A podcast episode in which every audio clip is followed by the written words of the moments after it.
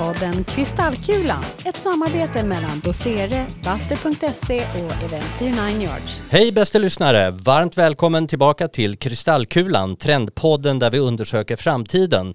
Vi vill veta hur den ser ut och till hjälp så spanar vi på det vi kan se här och nu. Och ytterligare till vår hjälp har vi ju tre stycken trendspanare i studion. Det är jag själv, Bobo av Ekenstam. Och sen har vi Diana Uppman som har jobbat med trendspaning i 25 år. Och sen har vi Jörgen Ramnelöv som har jobbat 27 år kanske. Minst. Ja, minst. Eh, och Jörgen, du eh, jobbar ju på Buster och Dosere. Ja, stämmer. Spanar hela dagarna. Absolut. Och Diana, du eh, eh, spanar också hela dagarna. Du har jobbat mycket med stadsutveckling och arkitektur och design. Stämmer. Och numera även lite med dosere. Ja, mm. precis. Varmt välkomna hörni. Tack. Tack. I dagens eh, program så ska vi avhandla tre stycken eh, spännande områden. Det första är att vi ska diskutera ett fenomen som kallas reklamtröttheten. Eh, alltså att vi inte orkar med mer reklam.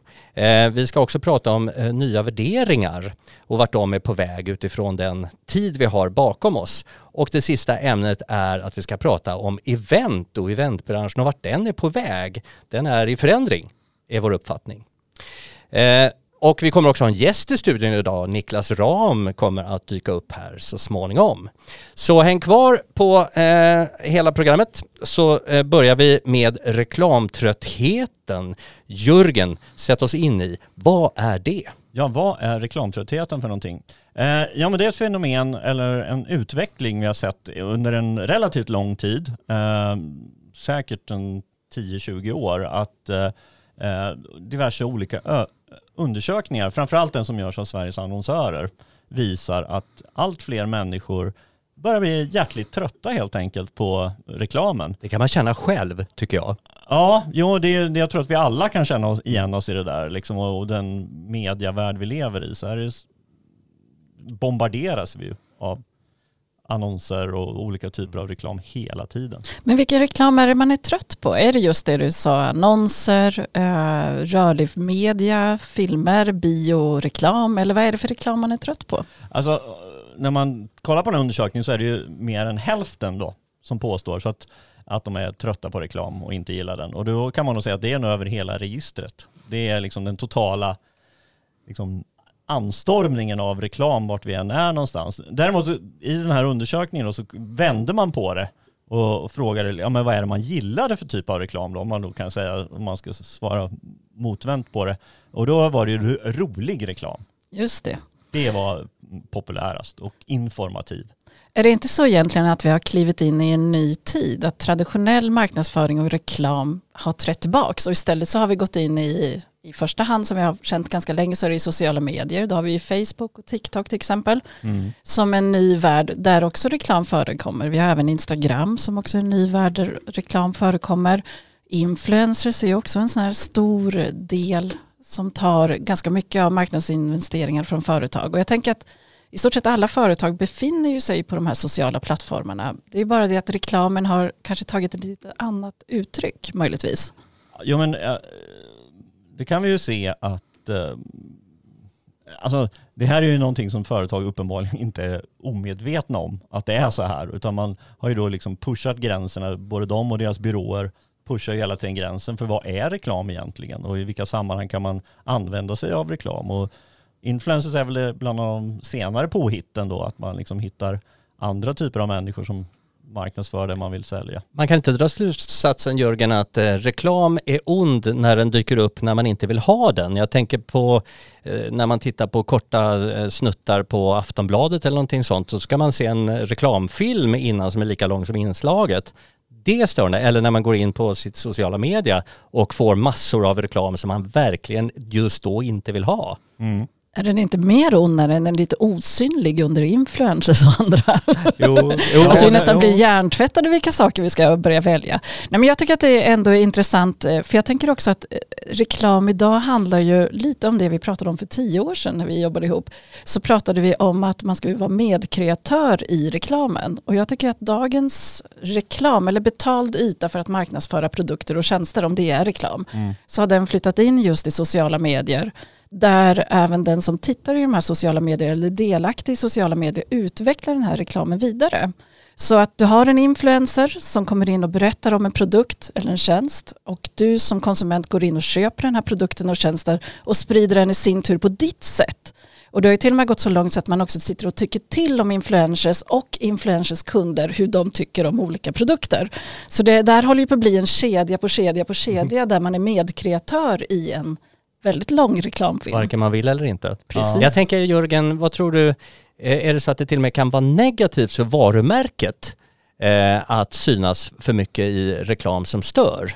Eh, ska vi lita på den här undersökningen så skulle man nog kunna svara ja på den frågan.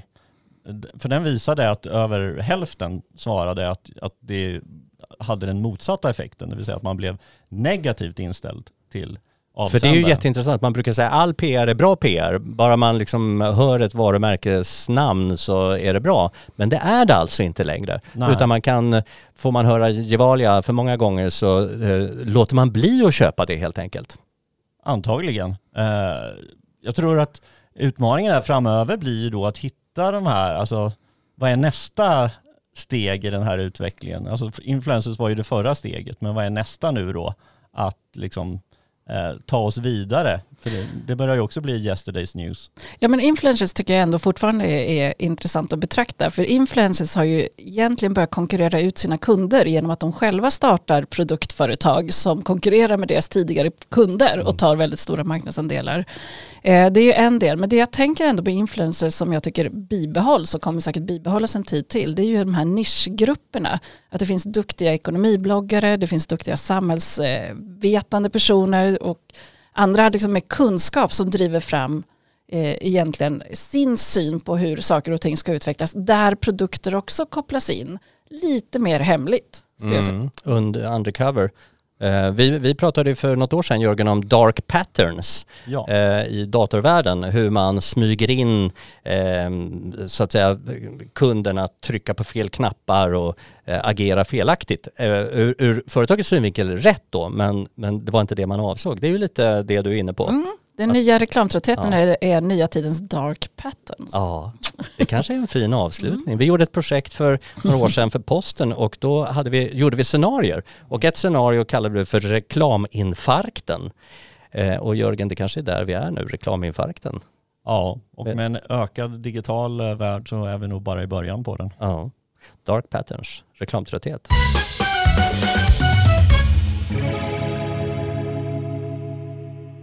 Ja men från eh, reklamtröttheten till värderingar, har de förändrats den senaste tiden på grund av det som har hänt med pandemier, klimatförändringar och krig? Eh, ja, eh, man kan nog se att det har eh, ändrats en hel del. Vi kan se att eh, enligt en undersökning jag såg eh, från i somras, juli, det är ganska färsk, där säger 66 procent att man förväntar sig att företag tar ställning i samhällsfrågor. Eh, det är en rätt hög siffra, det är ju liksom två tredjedelar i, i princip. Va? Det är nästan eh, förvånande att det inte är fler. Ja, kanske. Fast det är just ta ställning i samhällsfrågor. Men det är klart, det, det, är eh, klimatfrågor och det är jämställdhetsfrågor och sådana saker. Och det där påverkar valet av leverantör, det vill säga när man står i butiken så, så påverkas man av de här värderingarna. Eh, det, det, man kan säga är att det är extra mycket unga människor som eh, det här är betydelsefullt för. När man tittar på äldre, vad det nu är, typ plus 40, det vill säga alla vi i studion, då är det fortsatt mer, eh, mer kvalitet och sådana saker. Så det är eh, liksom mellan 20 och 40-åringar, där har det här mycket större betydelse. Man säger samtidigt att, att det är svårt att se eh, om ett företag är hållbart eller inte. Det är ju intressant apropå det vi pratade om nyss, att, att kommunicera. För det här är ju saker som skulle kunna ersätta reklam eller, eller komplettera reklam. Att man ber, verkligen berättar om vad är det man gör med sitt hållbarhetsarbete och sitt jämställdhetsarbete. Nej, men det ska, där ska jag vilja flika in, det är, ju, det är ju en utveckling vi har sett under en tid nu, eller en förändring, just det här med olika typer av washing. Ja greenwashing, pinkwashing, allt vad det nu heter. Mm. Att man... Eh, vad är det Jörgen? Pinkwashing? Nej men pinkwashing har ju att göra med kvinnors rättigheter. Mm. Att man liksom eh, påstår sig, eller man, ja, man pratar om att man är, gör väldigt mycket saker aktivt för att förbättra det. Men man gör inte det. Nej, som så mycket annat, med, som likadant med greenwashing. Man har jättefina hemsidor och fina pressreleaser om sina, sin, sitt hållbarhetsarbete, men när man börjar skrapa på ytan, ja, men då ser det ut som det alltid har gjort. Mm. Och jag tror det, det... Men är det verkligen så? För att jag upplever att man måste vara ganska transparent och ärlig och att unga människor kommer verkligen att överge speciellt större företag om inte den här transparensen och ärligheten verkligen råder. Eh, Ja, jo men det är väl en motkraft, absolut. Det, det har vi ju också sett att eh, transparensen ökar av olika skäl, av tekniska skäl, av värderingsskäl. Men att, eh, ja, jag är lite osäker där. Diana, du, du sa att eh, transparensen gör att man eh, ser det här. Men eh, enligt den här undersökningen så är det 84 procent som säger att de tycker det är svårt att se om ett företag agerar hållbart eller inte. Då får vi Så att hoppas att trots- journalister och medier är på de här företagen. För det är en ganska stor risk om man greenwashar eller pinkwashar sitt företag. Så fort någon kommer på det inom journalistiken så är man ju i stort sett rökt på grillen skulle jag ju säga. exakt. Eh, Då, får man ju inte, då kan man inte längre attrahera de här unga medarbetarna, man kan inte attrahera de bästa i samhället, du kommer inte få de kreativa anställda att ställa upp på det här företaget. Så man ser hur viktigt det är att det här framgår, inte bara genom att det står på en hemsida utan att man, vad säger man, walk the talk. Mm. Man lever som man lär. Har vi några exempel på sådana företag, Diana? Ja, men jag tycker att det finns flera företag och Fjällräven tycker jag är ett sådant företag. Att, eh, att vara med i Fjällräven eller att arbeta på Fjällräven så ska du ju ändå ha kunskap om fjällen. Du ska gärna tycka om att fjällvandra, du ska ställa upp i lite olika fjällmaraton och annat för att eh, liksom känna av och veta vad de här produkterna riktigt säljer och vilken målgrupp man, man pratar med och förmedlar till. Och värna om våtmarker kanske? och värna om våtmarker. Gör man. Eh, Och jag tänker även Patagonia är ju också ett sådant företag där företagsledaren nu eh, gav bort hela företaget till samhället för att samhället ska ta hand om det här företaget Patagonia på ett bra sätt och därmed skänker också egentligen allt kapital in i samhället för att återinvestera till Det ett... är walk bättre. the talk. Hur, hur tänker vi då med, det där är organisationer som lever, alltså som av naturliga skäl lever nära naturen. Mm. Deras produkter är där. Eh, Men om vi tänker andra företag då? Ja men, jag kan, kom, jag, kan komma, större utmaningar. ja men jag kan komma till, eh, jag ska inte ta våra fossilberoende företag, då har jag lite svårare. Men om vi hoppar till en bransch som jag samarbetar mycket med som ändå är fastighetsutveckling till exempel. Och där har vi ju ganska stor påverkan på hållbarhetsfrågor. Men jag tror inte du kan komma in till någon enda fastighetsutvecklare utan att du ser en hårdför marknadsföring kring hållbarhet och att de också satsar väldigt mycket på hållbarhet. Så Mm. där ser vi ju hur man initierar träbyggande och nästan som företagen leder, tycker jag, kommuner i det fallet. Men det är nästan det som ska till, att man ser en träbyggnad Mm. för att bara kommunicera att vi bygger hållbart, vi bygger cirkulärt. Mm. Det är svårt, det, jag tror att det är det man menar, det har, har konsumenten och, eller kunden eller den som ska bo någonstans, den har svårt att uppfatta det. Det För tror jag inte. Den symbolismen är ganska stark tror jag. Om du, om du går mot en cirkulär ekonomi som jag ändå tror, de flesta kunderna jobbar i företag, så kan vi väl utgå ifrån, inte alla, utan då kanske man är studenter, men studenter läser också om cirkulär ekonomi och man vet ofta att träprodukter är en del i en cirkulär ekonomi. Så att jag tror ändå att man lever i ett samhälle där man får kunskap att träbyggnader är lite just nu bättre än betong. Sen så skulle betongindustrin inte hålla med mig alls i det här för de menar på att deras livscykelanalyser gör att betongbyggnader står längre och kräver mindre koldioxid. Så det här är ju en diskussion. Men det jag tycker är intressant är väl just hur man eh, försöker etablera en kontakt med samhällsförändringar från de här företagen. Mm. Ja, men man kan kanske sammanfatta det med att eh, eh, hållbarhetsfrågor eh, blir mycket viktigare för varje år och, och in- inte minst i spåren av, av nu pandemi och, och krig så är det ännu viktigare. Eh, och företag försöker med alla tänkbara medel att kommunicera det här men har svårt För- att nå fram. Det krävs någonting mer. Eh, och apropå reklamtröttheten så undrar man då, jo men det är nog walk the talk. Ja, men jag tror också, om- man lite funderar på vad beror det här på? Varför har vi, eh, alltså varför vill vi gärna känna mer delaktighet i värderingar? Så kan jag tänka mig att man under en ganska lång tid har eh, haft en berättelse där ekonomin som globaliseras, vi har en bredare medelklass, vi blir rikare, vi har en liberal politik som handlar om att man har frihet och sen så helt plötsligt så är den under hot. Mm. För klimatkrisen kommer just ur av den här globala ekonomin och vi har frihet och demokratier under hot på grund av alla kriser vi nu har. Allt från klimatkriser och klimatflyktingar till andra krig i världen. Och det här gör ju att vi wobblar lite grann. Så att jag tror även som gemene man så söker vi fler värderingar. Och det gör att vi också kräver att vår arbetsgivare ska ha tydliga värderingar och stå Så vi för är något. inne i ett sökande menar du? Ja, kanske Mm. ett sökande fas. Mm. Ja, jo, men, nej, men jag håller med i den analysen. Att eh, vi nog kan se det framöver här. Liksom, att just med mycket, mycket osäkerhet så är det även det här ett område där vi nog antagligen kommer att se en del förändringar. Där man liksom, vi vet inte riktigt vad det är vi ska, vad, vem ska vi tro på? Som, Men ett, ett, Ska det vi tro skönt. på, tro på, Ett- tro på när? Så här. Eh, nej, men man kan väl eh, då eh, tänka sig att eh, det är en viktig fråga för företag, extra med, viktig nu, att kanske erbjuda värderingar som man verkligen står bakom naturligtvis och som kan vägleda framtidens människor.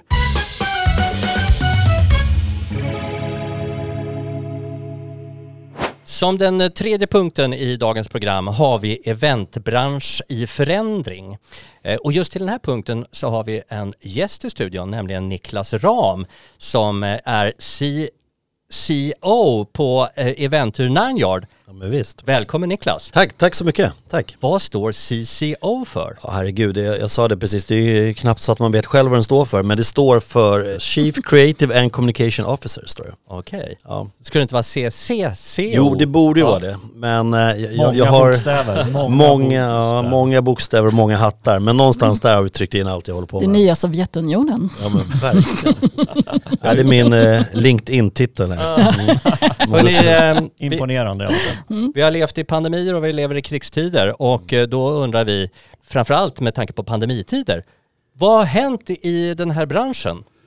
Jo, men vad, vad har hänt? Den största förändringen är ju såklart att den har eh, blivit eh, digital, eller beteendet som vi visste på något sätt visste skulle komma eh, för ett par år sedan och verktygen fanns eh, har, har verkligen landat in nu. Så att det vi ser är att många av de fysiska mötena såklart är kvar och har utvecklats. Eh, de fysiska koncepten eh, om, om att ses, för det är ju väldigt trevligt, det märker vi bara här i studion. Men rätt mycket av det digitala vi producerade de senaste två, ja, de senaste två, tre åren har ju faktiskt funkat också superbra. Så vi försöker hitta gränssnittet där för, för alla företag, vad som passar bäst för just dem. Vi Du hade ett det för- kul namn för det. Ja men eller hur, ja men det är digifysiskt gränssnitt och det, det kan ju se väldigt, väldigt olika ut för olika företag beroende på vad man har för behov helt enkelt. Ja. Det där är utifrån ert perspektiv. Hur, hur, hur känner ni att kunderna har eh, anammat det här? Känner, kommer de till er och säger ja men vi vill ha ett digifysiskt möte nu för tiden? Nej men, nej men det gör de ju inte utan det är ju någonting vi har liksom myntat och liksom eh, förstått att de behöver. Det måste läggas en digital liksom, kommunikationsplan och en eh, fysisk och så försöker man liksom försöka bena ut vad de verkliga behoven är.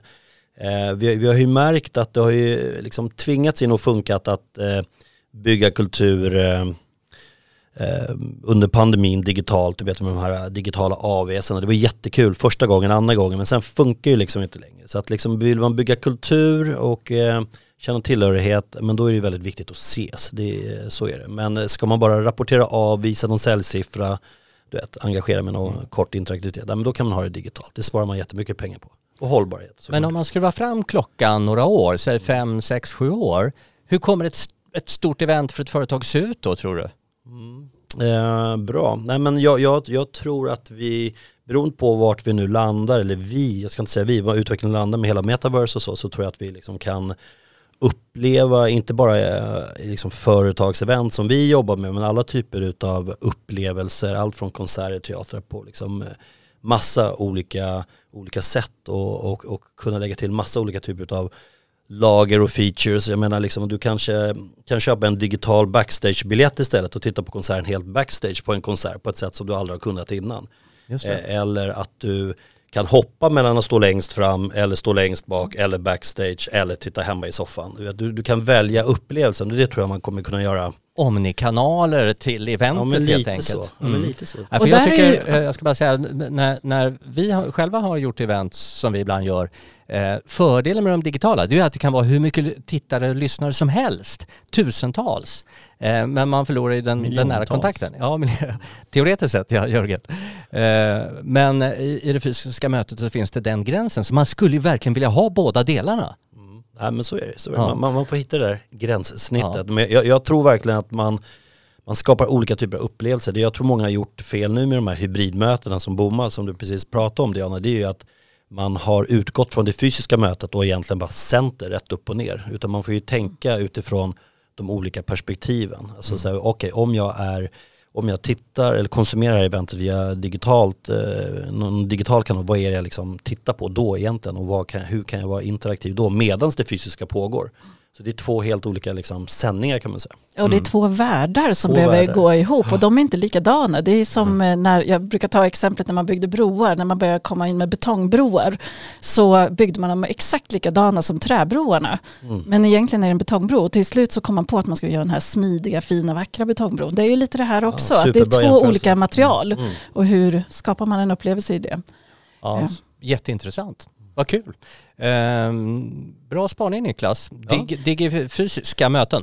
Ja, digifysiska det jag, gränssnittet. det jag, Just det. tänker på, jag är ändå lite nyfiken, för under pandemin så var det ju ändå, framförallt inom livemusiken så lyckas man ju sända, apropå det, miljontals visningar till eh, olika, eller olika artister lyckades stå på en scen och sända ut till över, jag tror 7-8 miljoner på vissa, under 10 minuter, vilket gav en intäkt som motsvarade alltså flera års rundresande konserter. Är det någonting som du ser även i eventbranschen, att man kan få nästan som en sån här long tail effekt på, på någonting? Alltså, jag har svårt att eh, se att man kan bygga lång, jag, jag är helt ute och cyklar nu kanske, men jag har svårt att se att man eh, kan skapa de här långvariga minnena. De flesta minnena från din barndom, var kommer de ifrån? Det är ju när du upplevde något med någon rent fysiskt, när du tog på saker, kände saker, luktade på saker och liksom interagerade så här fysiskt. Jag, jag tror att det fortsättningsvis kommer vara så också. Men om du Ehm. tror på sinnenas internet då, augmented reality, du kliver Ja. in i en liksom, värld där du har dina eh, glasögon, vi hoppas slippa det i framtiden. nämnde Super, super, ja, det är Ja. super, super spännande men jag tror utifrån vårt perspektiv att, att det är beteendet är nog inte där förrän om fem sex år. Och sen, Nej. du vet, jag, jag tror att det ligger tio år ifrån. Jag, jag tror många liksom gräver guld nu och hoppas på grejer och liksom så här metaverse washar just nu. Mm. Ja. Ja. men är du med? Alltså lite som ni håller på med. Ja. Men Niklas, du får, nära Niklas. Ja. du får vara med, ni får vara med i vårt projekt eh, Framtidens eh, eh, virtuella universum som handlar om metaverse och dess utveckling. Ja, Som verkligen. vi kommer göra i Det vinter. ser jag fram emot. Vi har en sista punkt eh, inom event och det är Diana, du har en spaning om staden som plattform för event. Ja, jag fortsätter med staden sen Kristallkulan 14. Eh, jag tänkte ta en eh, annan spaning som anknyter till både reklamtröttheten som vi har pratat om och det här samhällsengagemanget vi hade som vi var inne på beträffande värderingar. Och det är att stadens platser och även stadsdelar eller geografiska platser utanför staden är våra nya influencers. Och vad menar jag då? Jo, det är att under den här stadens eller det geografiska namnet så skapas kreativa event för företag eh, och kommuner ibland inblandade och medborgarna är inblandade i de här eventen. Så att det blir platsen och stadsdelen som är det bärande influencervarumärket. Eh, det ska attrahera människor att vilja bo där, att skapa företag där och att synas där. Och har jag då något exempel på det här? Jo, IKEA på H22. Ni som i somras inte såg H22 så är det Helsingborg som hade en stadsmässa som hette Helsingborg 2022, H22 blir det förkortat, där hela staden förvandlas till en enda stor eventscen eller en innovationsmässa för en bättre stad och en bättre välfärd. Och Ikea gick in i det här med hull och hår skulle jag säga. Och på tre olika platser i Helsingborg så hade man tre större event. Det ena handlade om ekomarknad där de gick ut med sina ekologiska varor. Den andra var ett hållbart samhälle utifrån skogsprodukter och det cirkulära samhället. Och det tredje var morgondagens teknik i hemmen och vilket de hade i en övergiven hamnlokal. Och eh, influensen i det här fallet blev Helsingborg som stad medan eh, eventet och partnern skedde av IKEA.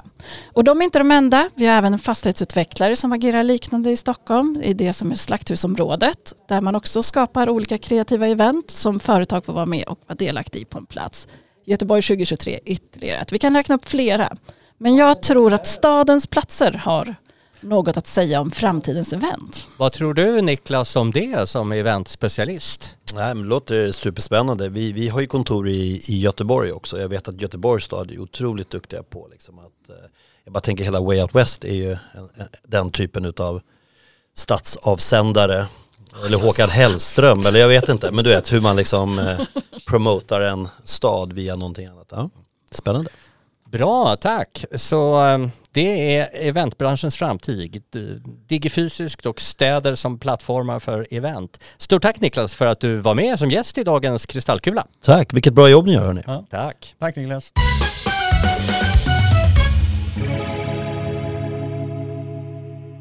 Ja, bästa lyssnare, då har vi tagit oss igenom reklamtröttheten, vi har tagit oss igenom nya värderingar och eh, en eh, eventbransch i förändring. Har vi några medskick?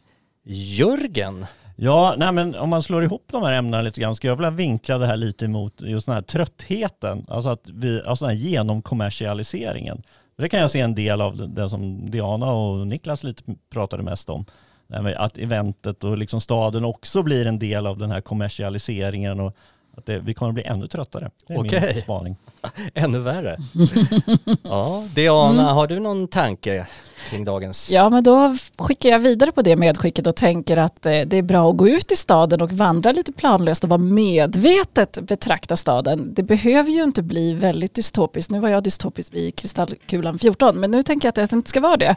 Utan jag tänker att det här leder också till en levande stad där handeln har backat bakåt och istället har vi event och olika happenings i staden som sker som ständigt skapar att människor vill mötas och finnas vid. Så Mm. gå ut, Härligt. planlöst vandra i staden och befinner er i den. Härligt. Och mitt medskick det är till er som sitter i ledning på företag, om någon av lyssnarna gör det. Eh, fundera på det här med värderingar. Hur kan ni förstärka dem? Kan ni, kan ni vägleda de vilsna människorna som nu är trötta på både det ena och andra eh, genom att erbjuda bra värderingar som ni kanske redan har? Det var våra ämnen idag. Eh, stort tack Jörgen och eh, Diana. Tack. Tack. Bra jobbat. Så följ oss på sociala medier bästa lyssnare och gå in på buster.se. Eh, och vi avslutar den här sändningen med, apropå event, Super Bowl är ett skapligt stort event. Och den som var huvudartist senast var Eminem och han spelade låten Lose Yourself. Vi ses nästa vecka. Tack för idag Jörgen och Diana. Tack för idag. Tack så mycket. Hej då!